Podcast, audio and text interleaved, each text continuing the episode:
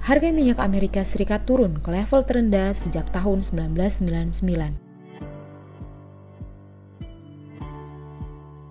Harga minyak mentah Amerika Serikat turun pada hari Senin 20 April 2020 dengan harga futures menyentuh level terendah yang terakhir terlihat pada tahun 1999.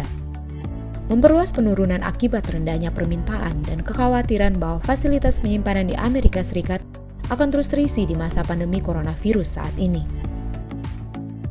Pasar minyak telah dibawa tekanan karena serentetan laporan tentang konsumsi bahan bakar yang lemah dan perkiraan suram dari OPEC dan Badan Energi Internasional.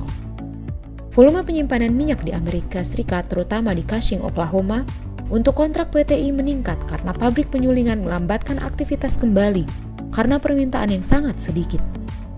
Kontrak minyak WTI bulan Mei turun 2,62 dolar atau 14 persen ke level 15,65 dolar per barel.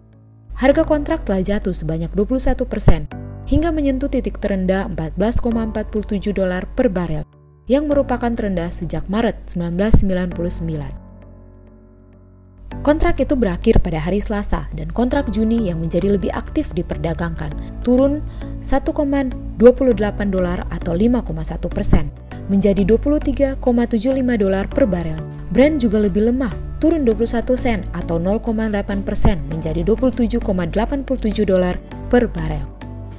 Penurunan harga minyak mentah mencerminkan kelebihan pasokan fasilitas penyimpanan utama Amerika Serikat di Cushing dan penurunan besar dalam permintaan, kata Michael McCarthy, kepala strategi pasar di CMC Markets di Sydney.